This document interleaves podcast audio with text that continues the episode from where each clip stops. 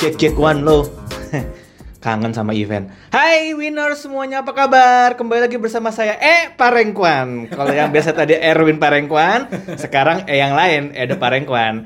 Kurang lebih sama-sama Manado, suka baku dapa juga, suka pedas-pedas juga. Apa kabar semuanya nih di depan saya biasanya ada orang yang selalu ngoceh-ngoceh di sini. Ini memang podcastnya. Yes, memang benar gue take over. Nama gue Edo Parengkuan dari keluarga yang berbeda. Muka sama-sama Manado kurang lebih. Mas Erwin Parengkuan. Yes, Fernando Edo. Jujur ya, jadi winners di sini gue bener-bener nggak ada skrip, nggak ada pertanyaan, jadi mengalir aja kayak Sungai Ciliwung. Jadi mohon maaf kalau mungkin pertanyaannya mencelak mencelek. No worries. Karena di sini no boundaries, no, No boundaries. limit. No. Jadi gue bisa nanya apa aja dari luar sampai dalam boleh ya? Boleh bebas. Oke. Bebas. Mas Erwin, Yes. kenapa lo nama nama lo Erwin Parengkuan? Eh, nggak tahu, bak- kakak gue namanya Henry. Nah. Gue namanya Erwin. Nah, lu mesti nanya bapak gue, tapi bapak gue udah meninggal gimana nama ibu gue? Mas Erwin, kayaknya gue yakin nih dari eh, cerita lu, gue pernah dengar bahwa seorang Erwin Parengkuan eh, born to speak.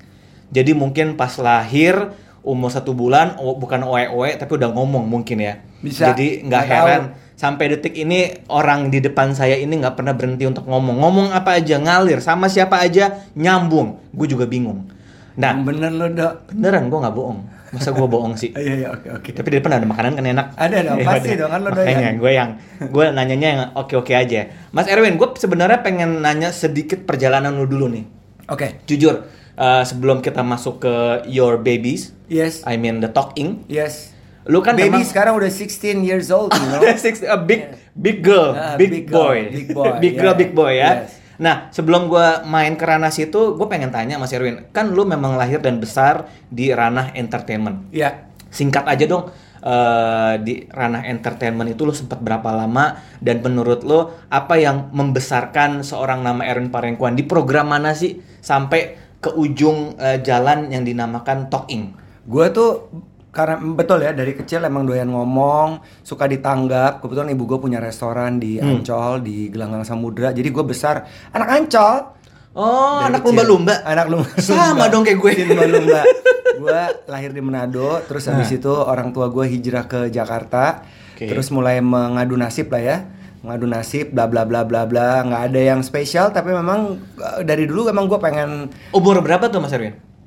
Pindah. pindah ke Jakarta Ah. umur empat setengah atau lima tahun. Oh, jadi no show culture ya. Jadi memang nggak ada Belum nggak ya. ada Oke, tapi oke. gue sempat tinggal di Surabaya satu setengah tahun Ah. sebelum orang tua gue ayah gue settle bisnisnya di Jakarta Mhm. habis itu eh, biasa aja nothing special cuma memang gue tahu gue tuh orangnya pemberani dok gue tuh berani gue suka ngomong sama orang bahkan yang lebih gede pun gue demen ngomong sama orang yang lebih tua gue suka penasaran akan yang sesuatu yang ada di kepala gue dan selalu gue wujudkan dan gue tuh inget banget waktu kecil karena gue nggak suka baca, gue bapak gue tuh beliin gue Lego banyak sekali Lego. Jadi setiap sore pulang sekolah, gue selalu bermain Lego dengan kakak gue. Mungkin itu juga yang akan yang akhirnya jadi mengasah kemampuan kreativitas gue ya. Bikin dari ini apa dari dari macam. kecil udah serius ya mainnya Lego. Kalau gue kan gitu. main layangan, Iya. main Nah, kelereng, nggak- gua main nggak- I'm games. not into that kind of Oke. games, you know. Oke, gue oke. lebih suka nonton. Mhm. Terus abis itu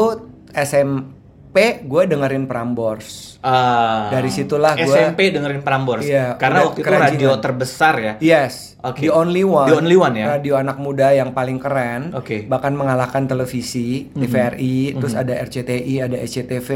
Gue udah admire tuh sama para penyiar radio yang menurut gue jago ngomong. Gue kayak menem- kayak menemukan, gue pengen kayak mereka deh. Say name.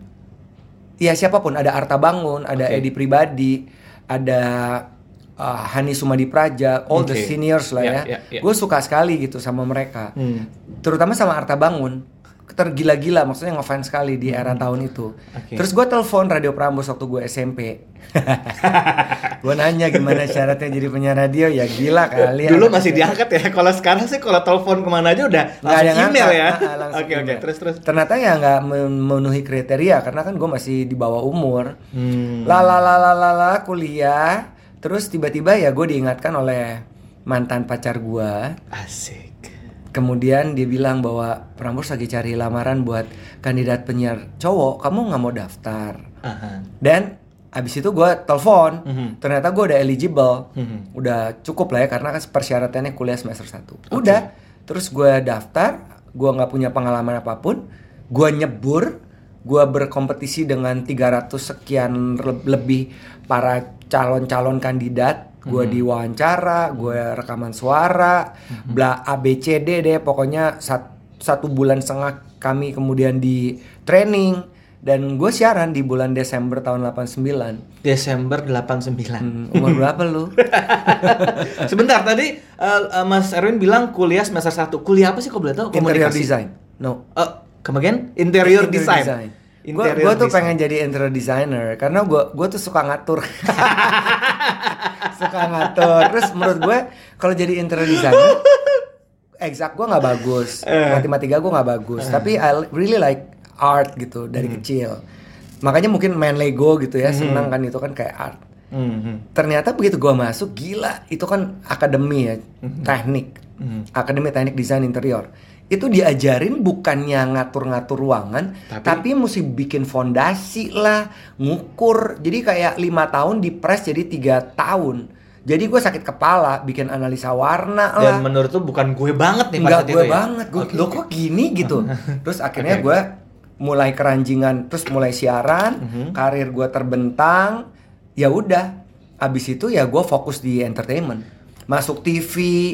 Tapi yang lucu ya dok, Mhm. waktu gue mulai tahun 90-an dan dilihat orang sampai tahun 93, tiga tahun, itu kemudian gue bosan. Mhm. Jadi gue penyiar radio, gue presenter televisi, gue juga MC kondang disebutnya waktu itu. Gue juga tim kreatif di Prambors. Gue juga waktu itu bekerja paruh waktu di sebuah advertising agency milik perusahaan Jepang. Jadi Oke. bosnya ketemu gue, suka sama gue, suruh gue kerja di tempatnya di- dia. Gue bilang, loh saya kan eh, siaran di Prambors, Iya. nggak apa-apa.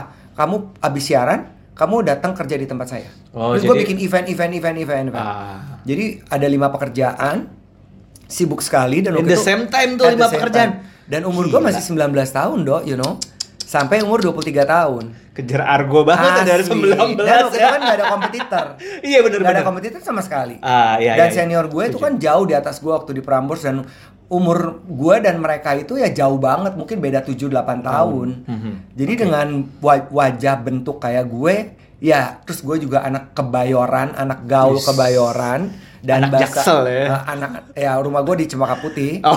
Tapi gue main sama mereka. Oke. Jadi semua istilah-istilah kebayoran Mhm. itu gue bawa ke radio. Jadi kayak Ah. It's like something is a different creature gitu buat para pendengar Prambors yang nggak pernah denger gaya siaran kayak gitu. Apa sih mas salah satu contoh yang lu pernah bawa? Gue bawa kata Kayak- bo bo bo itu. Oh, oh dari lu? Iya, gue yang bawa. Tapi bukan gue yang buat ya. Ah, oke. Di Kebayoran itu istilah bo itu udah sangat familiar. Familiar, Bo oke. bo bo bo gitu. Ah. Nah, gue bawa ke radio. Bak bo bak bo bak bo. Akhirnya mewabah lah bak bo bak bo itu. Ah, Oke, waduh bener baru tahu nih. Oke oke oke. ya udah abis itu gue jenuh. Mhm. Gue tinggalin tuh radio entertainment gue tinggalin. Sembilan 93. sembilan tiga. Oke. Gue tinggalin karena gue bosan sekali. Gue bosan terus gue bikin event organizer. Mhm. Dan waktu itu di tahun 93 juga belum ada event organizer. Ada temuan tapi mungkin belum banyak. Oh, Nggak juga. Kayaknya nggak ada deh. Nggak ada ya. Nggak Oke. ada orang yang bikin event organizer. Mhm. Mungkin ada dalam bentuk yang lebih kecil ya karena Iya. network gue udah gede. Jadi gue mau masuk lah event-event di Hard Rock Cafe bulanan. Mhm. Gue bikin event pemerintahan. Gue bikin APEC conference pertama kali di Jakarta dan juga di Istana Bogor. Gue mendatangkan Phil Collins concert ke Jakarta. Gue nggak pernah jadi promotor. Gue datengin temen gue bilang, eh ini ada ini loh, ada Nyarinya apa namanya? gede. Yo, gokil gokil. Nggak tahu punya guts begitu gede dong. Terus gue juga bawa misi kesenian ke Australia, ikut pameran kerajinan San Francisco International Gift Fair.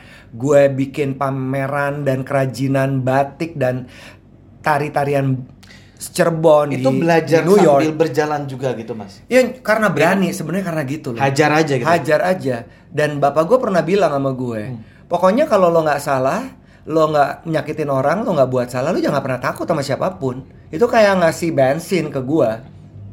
Oke. Iya, ya udah, Hmm. jalan aja gitu dok. Eventnya sukses, ba- ABCD lah dan segala macem. Sampai akhirnya mau bikin TV kabel di Belanda tahun 97. Mhm. Jadi kerjasama dengan SCTV, gue tahu program-program SCTV itu kalau udah ditayangkan kali kedua nggak mungkin ditayangkan kali ketiga. Jadi gue ngomong sama dirutnya, gue bilang bagaimana kalau kita bikin TV kabel di Belanda? Mhm. Karena waktu itu kabel system lagi booming, mulai booming. Mulai Gua- masuk ya? Gue bikin konsorsium dengan dirut dirutnya Trijaya FM, Mhm. ABCD gitu. Akhirnya udah kita udah hire, kita Ya. udah hire konsultan dari Vancouver, dari Kanada, jagoan televisi. Hmm. Tahun 98 Krismon. Ah. Jadi bubar nggak jadi. Akhirnya bapak ini pernah gagal juga ya? Oh iya iya iya. Tapi gue selalu gini ya dok. Hmm. Gue gue tuh percaya ya kalau apa pun yang kita kerjain tuh udah digarisin. Udah digarisin. Jadi gue balik lagi ke entertainment, gue siaran lagi di Hard Rock, gue siaran di Cosmo, gue bikin radio Cosmopolitan, gue jadi konsultan radio Trijaya. Terus mulai deh, abis itu ya bikin sekolah komunikasi sama Becky. Mhm.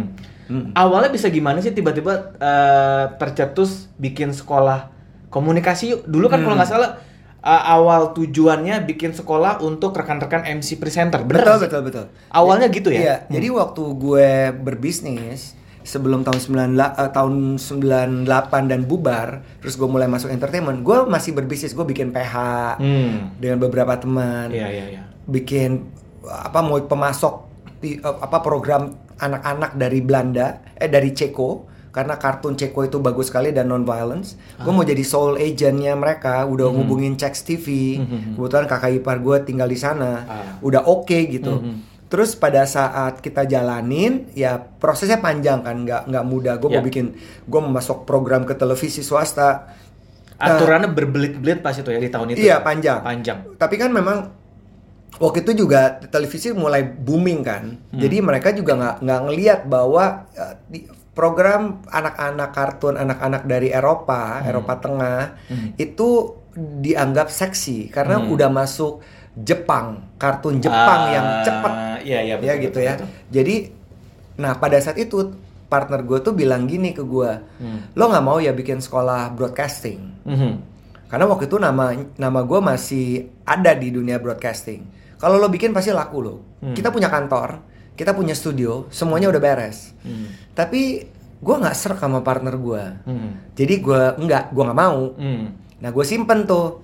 Suatu saat tiba-tiba gue dipasangkan oleh Becky di sebuah program televisi di Metro. Oke. Sebelumnya juga pernah ketemu sama Becky ya di radio pernah. Iya, jadi siaran waktu- bareng ya. Enggak, jadi waktu gue siaran di Prambors, Mhm. Kebetulan kakaknya Becky itu adalah temen deket gue. Mhm. Nah, De- Becky tuh kan jadi kayak temen, ini temen gue nih ada adeknya namanya Becky. Ah. Nah, Becky tuh waktu itu udah terjun di sitkom Oh. dan nyanyi. Jadi ya gue nggak ngelihat Becky sebagai temen gue Iya, karena iya, iya, gue iya. teman sama kakaknya. Iya iya iya. Suatu saat Becky udah mulai muncul di TV Hmm. apa sebagai pemain sitkom. Hmm. Nah, terus gue tarik, gue bilang sama Becky, Bek, lo jadi bintang tamu gue dong di Prambors. Hmm. Nah, pada saat Becky jadi nemenin gue satu kali itu, station manajernya tuh Chandra Novriadi itu tertarik sama Becky. Terus dia bilang sama gue, eh tawarin dong Becky mau nggak jadi penyiar radio? Gue bilang lo tawarin, pasti dia mau. si Chandra approach Becky, gue resign. Ah. Jadi gue nggak tahu lagi tuh bagaimana nasib si Becky siaran di Prambors. Ya, ya, Tapi dengan kan Becky siaran di Prambors 8 tahun tuh. Mhm. Lama-lama gue dengar nama Becky Tumewu. Oh, sukses dong dia berarti. Hmm. Terus dia masuk TV Iya, gitu iya, kan ya. iya. Terus gue berbisnis, gue balik lagi nggak jadi, gue Iya. masuk entertainment lagi. Iya. Nah, terus tiba-tiba Becky bawain sebuah program TV di Metro. Mhm. Terus dia hamil anak kedua. Dia dia dia mundur sementara. Nah, kebetulan program televisi itu The Plaza mau reformat, mau ganti format. Hmm. Ah, iya. Yang tadinya cewek-cewek mau dicari pendamping pria. Gua lah dicocokin sama Becky. The gentleman ya. Yes. gitu ya. Oke. Kita bawain program itu mungkin sekitar 4 tahun. Mhm. Program mau habis, tiba-tiba Becky ngomong sama gue. Hmm. Win, kita, kita gue demen nih sama lo. Kita bikin bisnis bareng yuk gitu. Aha. Kalau waktu itu kan ngeliat Becky adalah adanya temen gue. Iya. Tapi saat itu kan kakaknya juga udah di, di luar negeri nggak tinggal di situ. Mhm. Dan kita udah nggak terlalu dekat lagi karena masing-masing sibuk. Iya. Jadi gue ngeliat bahwa oh Becky sekarang temen gue. Nah. Nah, Becky nawarin, yuk kita bikin bisnis bareng. Oke deh, gue bilang gitu. Terus gue ngomong sama Becky, ya udah kapan kita janjian ketemu, kita Mhm. ngobrol. Mhm. Kita ngobrol lah di Plaza Senayan waktu itu. Saat Tahun- itu eh, Mas Erwin udah punya isi kepala, gue pengen menawarkan bisnis ini nih sama Becky. gue ada beberapa alternatif. Oke. Gue kan pernah membawa apa namanya pengrajin-pengrajin dari Riau, Ah, dari Kepulauan Riau ke ikutan pameran San Francisco International Gift Fair, Mhm, event gede tahunan. ya. Gue sewa banyak booth dan gue punya agent di New York, ABCD gitu. Jadi Hmm. Ya. gue mikir gini karena gue udah nggak suka dengan service Mhm. atau berhubungan dengan manusia, Iya. gue suka produk because Ah. I look I like art Ya. gitu gue suka barang-barang seni Mhm. jadi gue bilang Bek kita jadi ini aja soul agent untuk jual produk-produk Indonesia ke luar negeri Mhm. karena gue punya channelnya gue ada agentnya di New York dan gue kenal banyak pengrajin di Indonesia Hmm. Tapi Becky nggak mau nggak gue nggak mau Nah, gitu gue bilang gue nggak mau io iya ya gue juga nggak mau io apa Oke. dong gitu akhirnya mentok Hmm. nah abis mentok ya udah kita minta bill deh nggak bisa dipaksa kan Iya. begitu Oke. tiba-tiba bill dateng Aha. gue keinget tuh partner gue dulu pernah nawarin gue bikin radio. Ya, yang lo hold dulu kan, yang lo bilang Yes, enggak deh. gue nggak gitu mau. ya. Oke. Gue tiba-tiba nggak tahu ada yang bisikin di kuping gue aja terus gue bilang, Bek, Hmm. kalau gitu gini deh, kita bikin sekolah aja. Sekolah apa kata Becky? Hmm. Sekolah komunikasi. Eh, kenapa gitu? Loh, pengalaman lo banyak, pengalaman gue banyak. Kalau kita bikin, pasti banyak orang juga yang pengen belajar dari pengalaman kita.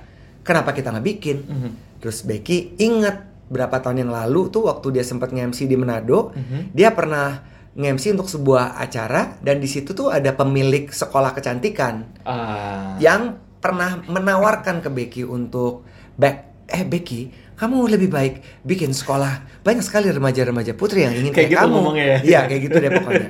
Nah pada saat itu Becky nggak confidence, Iya. ya karena kan dia juga belum kepikiran sama sekali. Benar-benar. Nah pada saat gue ngomong itu Becky kemudian tiba-tiba refresh memorinya dia bilang eh gue tiga tahun lalu pernah ditawarin si ibu ini loh nah gue bilang cocok Jodoh berarti ya. Nah, Iya, iya. cocok gue bilang gitu dan itu it happen by seconds loh dok Mhm. bener-bener by seconds itu nggak sampai satu menit ide itu keluar Mhm. Terus si kebetulan waktu itu gue mau pergi liburan ke kampung bini gue lama sebulan Iya. gue bilang sama Becky Bek gue mau pergi sebulan Mhm. lo harus ngubungin ibu ini Mhm.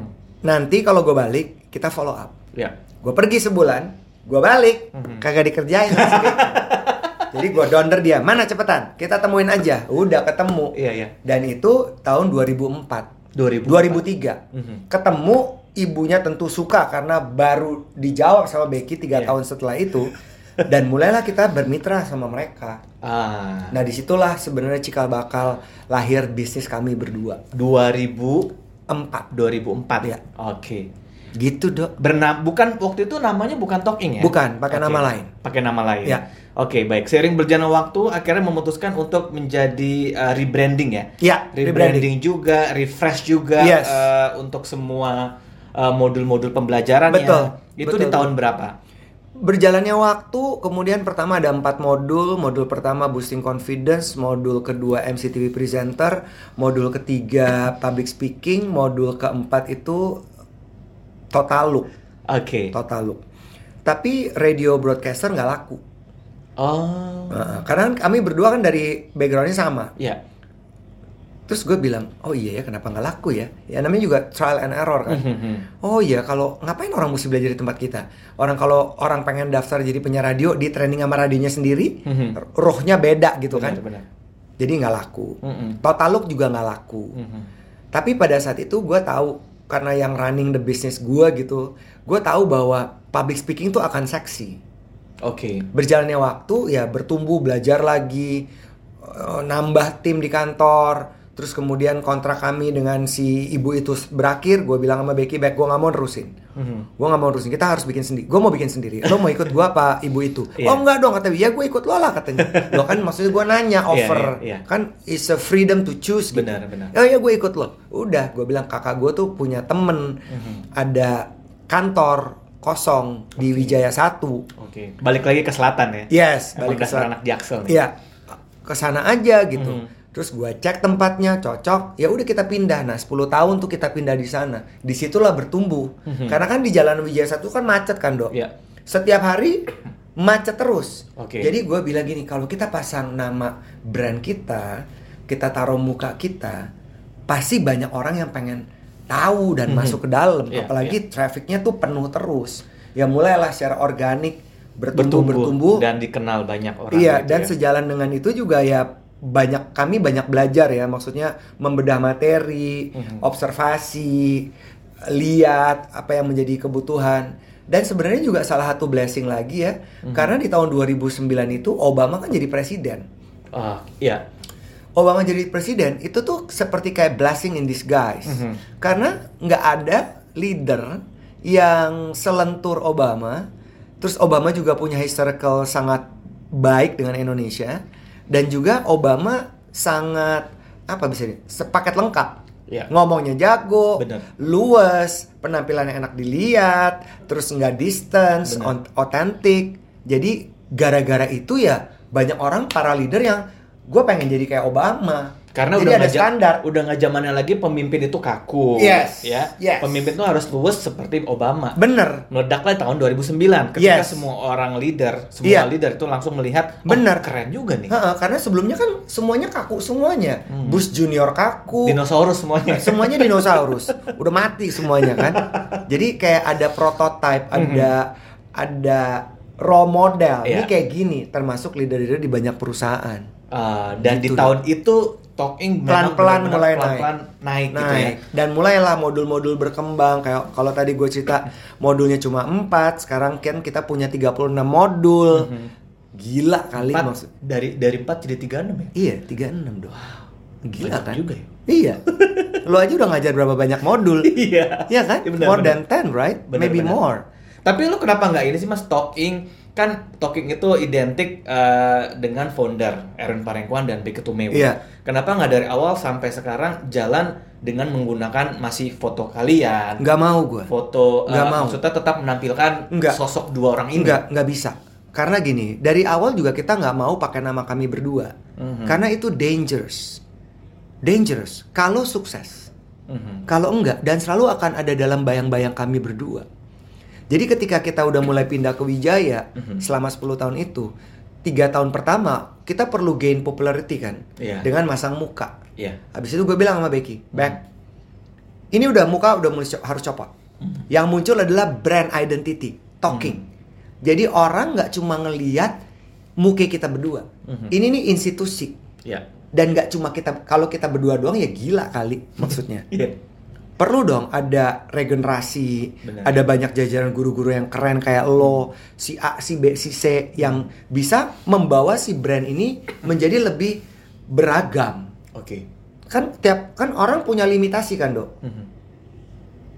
kalau kita tetap bertahan di situ nggak oke banget dan gue emang nggak mau gitu ada bayang-bayang walaupun sampai sekarang tetap masih ada ya because we Pasti. are the founder Yes. tapi gue nggak mau it's not the idea gitu untuk untuk selalu masang muka kita Tapi bisa bertahan sampai sekarang dulu-dulunya kan pasti kalau nggak salah Mas Erwin tuh pernah bercerita gue pernah dengar Mas bahwa di tahun pertama, tahun kedua, tahun ketiga tuh berdarah-darah. Iya. Ya kayaknya semua bisnis lah ya. pasti pasti Semua bisnis tahun pertama, tahun kedua, tahun ketiga is very struggle. iya Tapi kenapa lu masih eh, ya gue tau lu orangnya keras kepala gitu Ah, kan. I am, I gitu am. kan. Makanya sampai sekarang pun masih berdiri tegak. Hmm. Tapi dulu-dulu tuh apa sih yang mem- bisa membuat lu goyang? Aduh, gue kayaknya mau berhenti. Ini nggak nggak pernah ada dok nggak pernah ada Never comes in your mind. Never, gitu? never, never across my mind. Oke. Whatsoever, never across. Oke. Karena ketika gue udah yakin dan gue percaya, Mhm. itu pasti bisa jalan.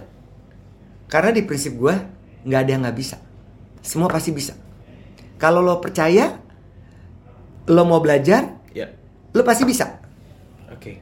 Itu yang bener-bener dari dulu memang ada. Kayak misalnya gue ngebayangin sesuatu. Gue udah merancang di kepala gue mau A, B, C, D. Mhm. Kalau gue clear banget di kepala gue, misalnya contoh, gue pengen liburan, tempatnya ini, gue pengen dapetin A, B, C, D. Itu pasti gue kejar. ya. Karena gue kind of person like that. Mhm. I'm very apa well namanya, plan ya. Bener nggak? Bisa well plan, Iya. terus juga bisa goal oriented, Ah. as well as process oriented. Walaupun awal-awalnya ya gedebak gedebuk lah ya, karena Iya, kan iya. skillnya belum banyak, Mhm. masih meraba, dan semuanya itu berjalan karena intuisi dok. Mhm. Dan niat mau belajar curiosity itu gede sekali gue. Itu Fon ya fondasinya tuh ya gue yakin pasti bisa, nggak mungkin nggak. Itu yang membuat lo sekarang kaya akan ilmu ya walaupun Bisa, mungkin bisa background lo bukan nggak ada psikolog nggak ada. tapi lo udah menerbitkan understanding people yang Iya. erat sekali hubungannya dengan psikologis gitu Yes, ya. Yes, yes. lalu komunikasi dan kan gue dibantu sama beberapa psikolog iya untuk Oke. mem- mempertajam apa yang ada di kepala gue. Ini bener nggak sih? Valid nggak sih? Mhm. and we do research gitu lama. Ya. Oke, begitu pula juga dengan komunikasi ya, Mas Erwin ya. Karena kalau komunikasi hanya pengalaman aja, kayaknya boleh dibilang kayak kerupuk, kayak garing gitu. loh. Harus Mm-mm. ada sesuatu yang iya nampol gitu betul dan kan orang tuh ngejual yang dijual itu kan track record sebenarnya ya. Iya. Kalau orang bilang lo harus jago komunikasi, lo harus ABCD. Kalau orang ngeliat gini, track record lo apa? Di mana? Hmm. Lo udah bikin apa? Maksudnya sebagai seorang pemimpin misalnya, Iya. apa hasil yang udah lo capai sebagai seorang pemimpin yang memimpin grup misalnya cuma Hmm. dua orang, tiga orang. Hmm. Orang tuh ngeliat that credential gitu. Ya. Dan komunikasi kan bertumbuh terus. Kayak di zaman Orde Baru beda banget gaya komunikasi dengan di zaman sekarang yang sangat Banget, lentur. banget. Karena sosial media juga gitu kan. Oke. Iya. Nah, kalau sekarang gue pengen ngomongin uh, sedikit langsung ke depan nih, kita melompat ke depan. The in the future. Karena Hmm. kan ini sekarang udah tahun ke-16. Iya. Talking sudah bukan jogging lagi tapi sudah berlari Iya. kenceng gitu Iya. ya.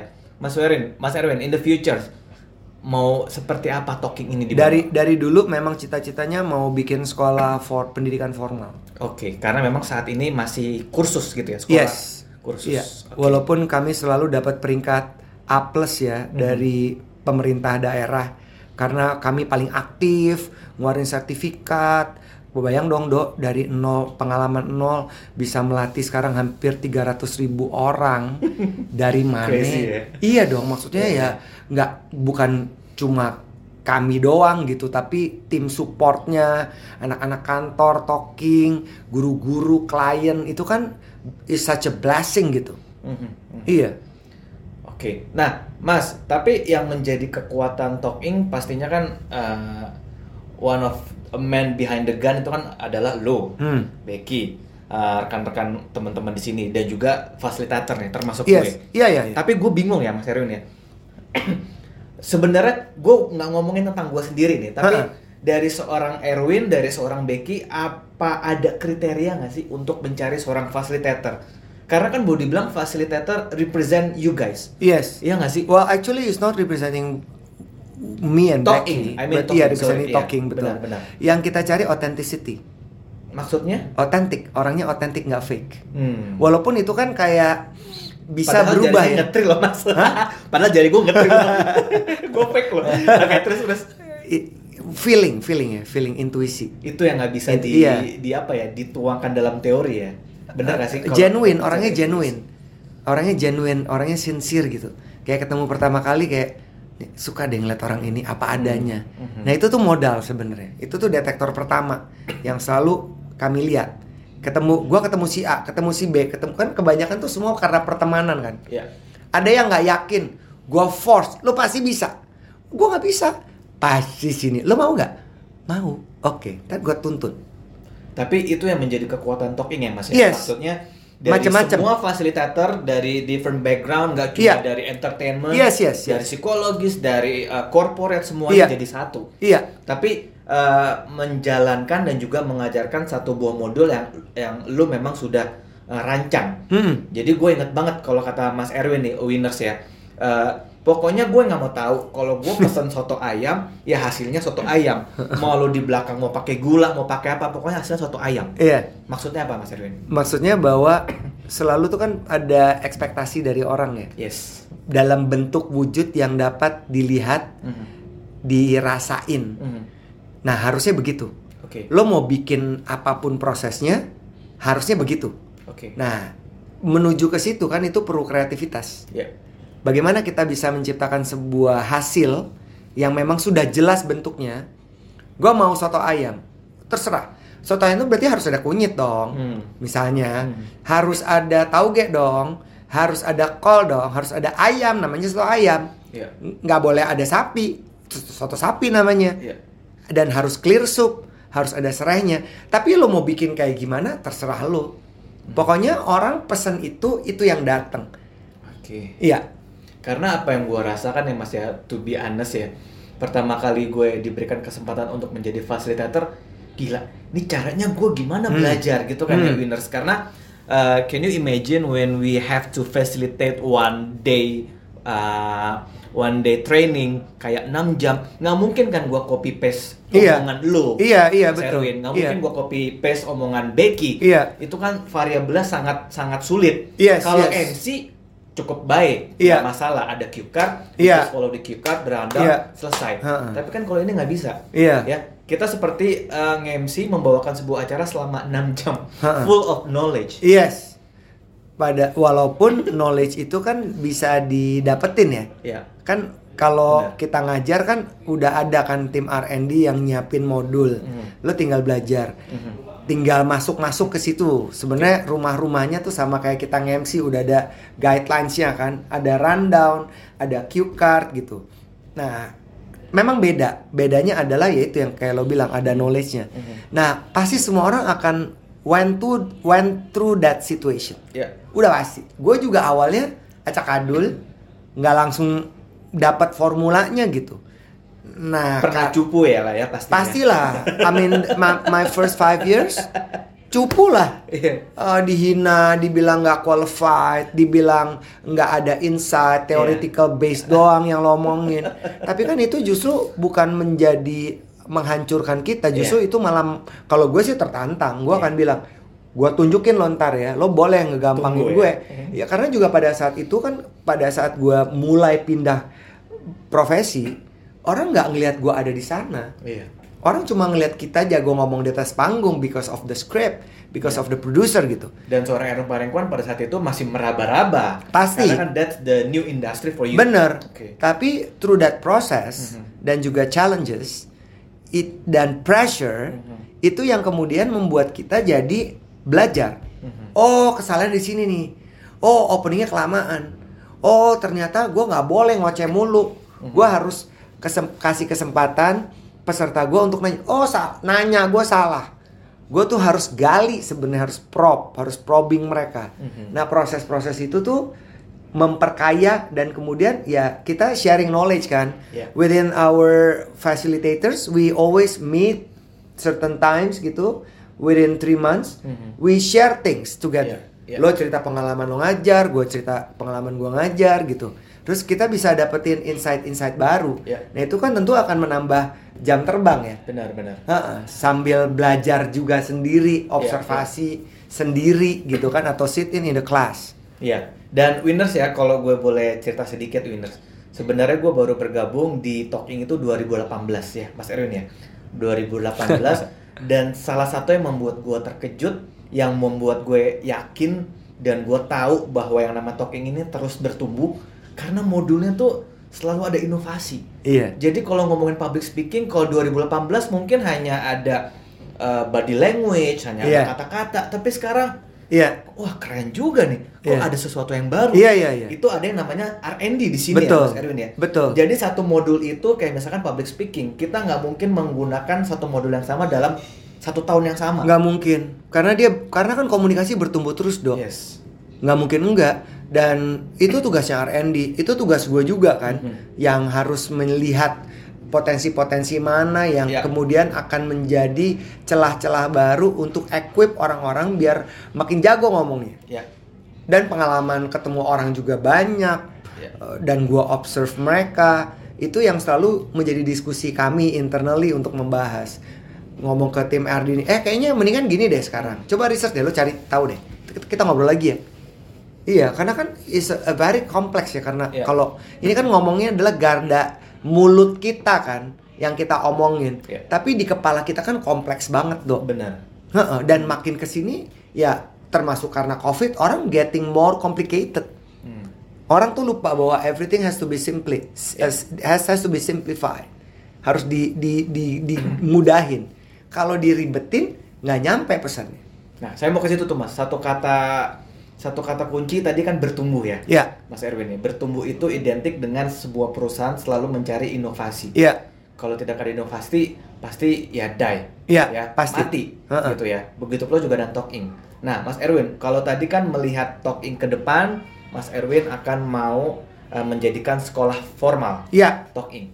Nah, kalau udah dari- ada tuh di kepala gue. Udah ada ya? Udah clear banget. Langkah-langkahnya semua udah ada ya? Udah.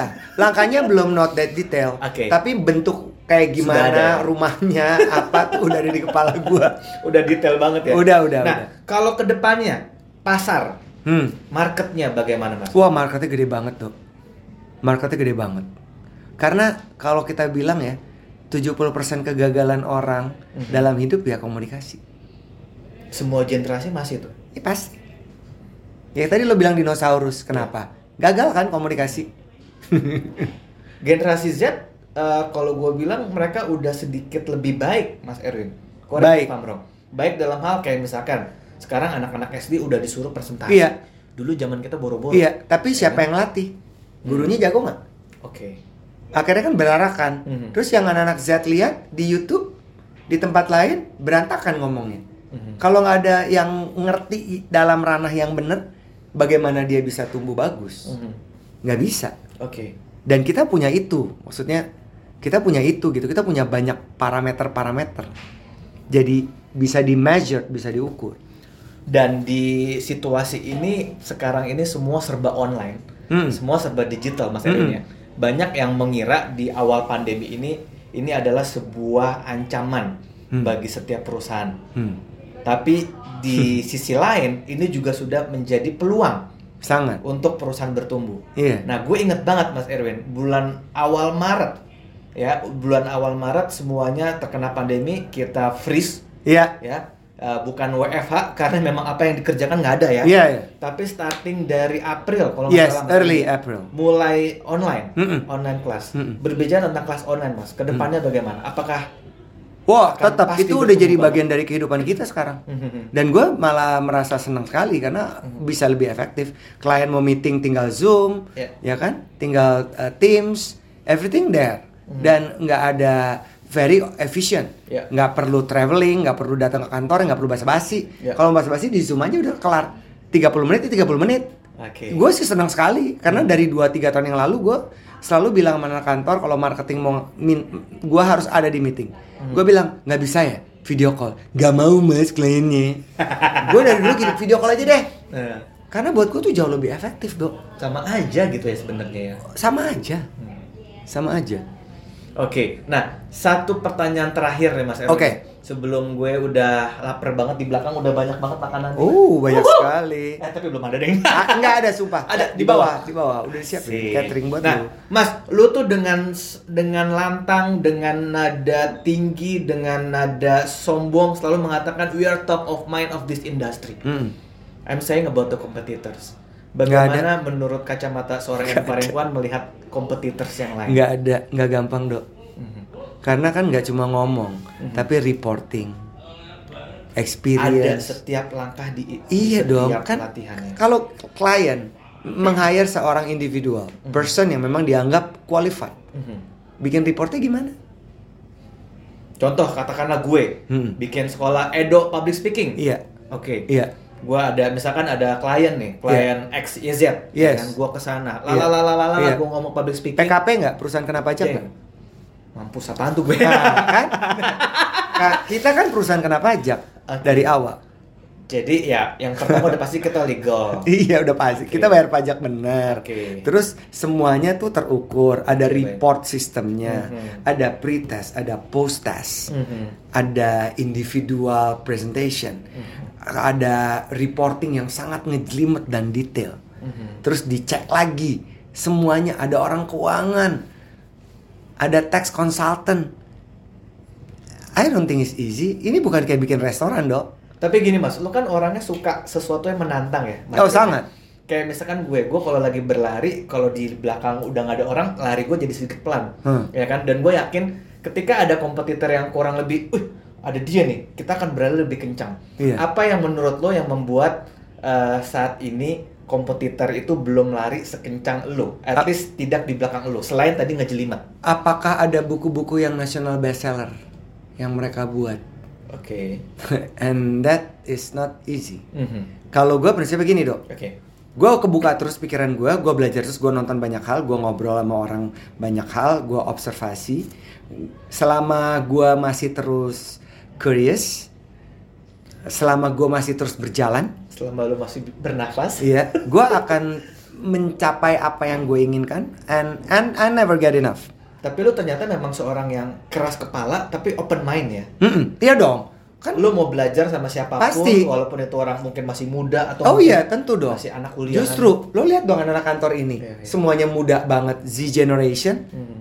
Ada yang seumur anak gue lagi 21 tahun. Ngomongin gue loh. Alah gila. Jadi, yes, kita perlu belajar terus sama siapa pun. Oke. Nggak bisa enggak. Tapi ya harus open minded dan juga harus stay humble. Oke, Mas, last words di ulang tahun yang ke-16. Apa yang mau Mas Erwin Parengkuan katakan kepada your big girl, your big boy, your wishes Um, for the wow, talking? apa ya? Udah ke-16 kali ya. Lu pasti merangkai setiap kata di ulang tahun. Kalau tahun kemarin kita di GIK ya, kak? Mas Erwin ya. Iya. Sekarang kita harus stay di kantor, kita sesaat lagi mau mengadakan acara secara virtual. Nih keren banget nih. Nah, kalau sekarang Mas, anything that you wanna say?